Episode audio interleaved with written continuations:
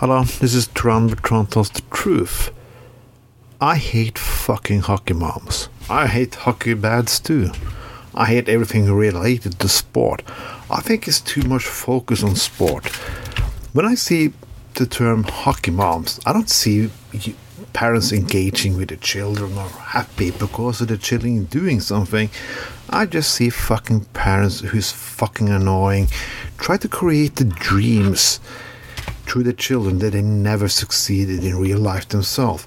It's not often about what the kid want, it's all about what your fucking parents want. When I was young, I did a lot of strange things. Football, handball. I tried to experiment something.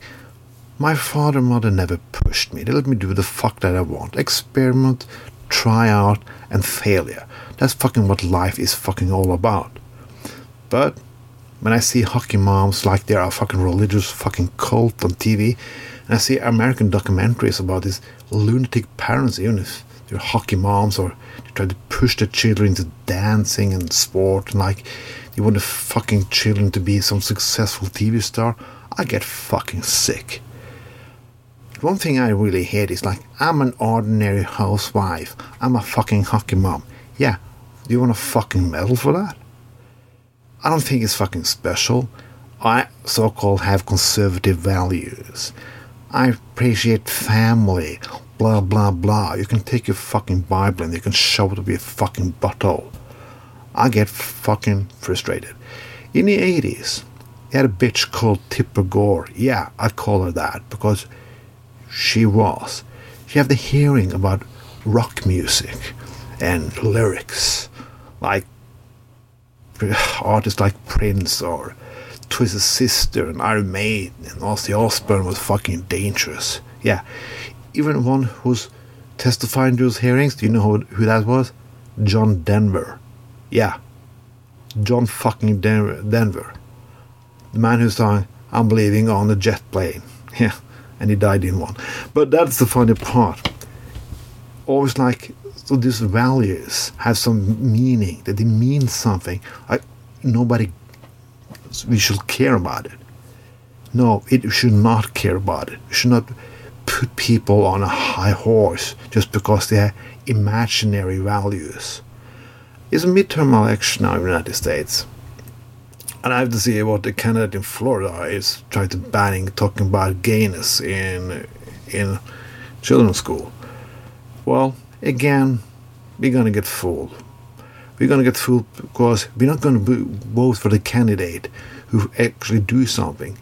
We're gonna do vote for the candidate who has so-called the fucking right values. Are we're gonna see that fucking conservative shithead full of fucking hockey moms and hockey dads and fat fucking assholes with fucking guns. Yeah, that's how the fucking world is right now. Well, during all this bullshit is a fucking thing going on in Ukraine. I, nobody gives a fucking shit. It's a war there. But people want to in so-called fucking values. What is it with hockey moms? Why do you celebrate those people so much? Why is it why wife, housewife, want to be so fucking engaged in every part of the children's life. Let children be fucking children. Let them succeed, let them fail, let them have heartaches. That's what growing up means. That's what you fucking learn. That's how you get fucking adult. You will never get to be an adult. It's the only thing you do is fulfilling your parents' so-called fucking dreams. It's not often I talk about things I hate but more like things I think annoying. This is fucking things who's fucking annoying me. I'm never gonna celebrate those people. If you want to be engaged in your children's life, talk to your fucking children. Do something with them. Work less. Live more. Teach them values like consumerism is bullshit. You cannot buy everything you want. You don't have to work 80 hours weeks. Healthcare is good. Take care of the environment. Values like that. Values like giving a shit about other people. If you want to cheer up your children to do something, let your children join the Red Cross or something, and Amnesty International. They ban nuclear weapons. Do something for further generations so we can live on this fucking planet. This was Tron, where Tron tells the truth. Have a fucking nice day.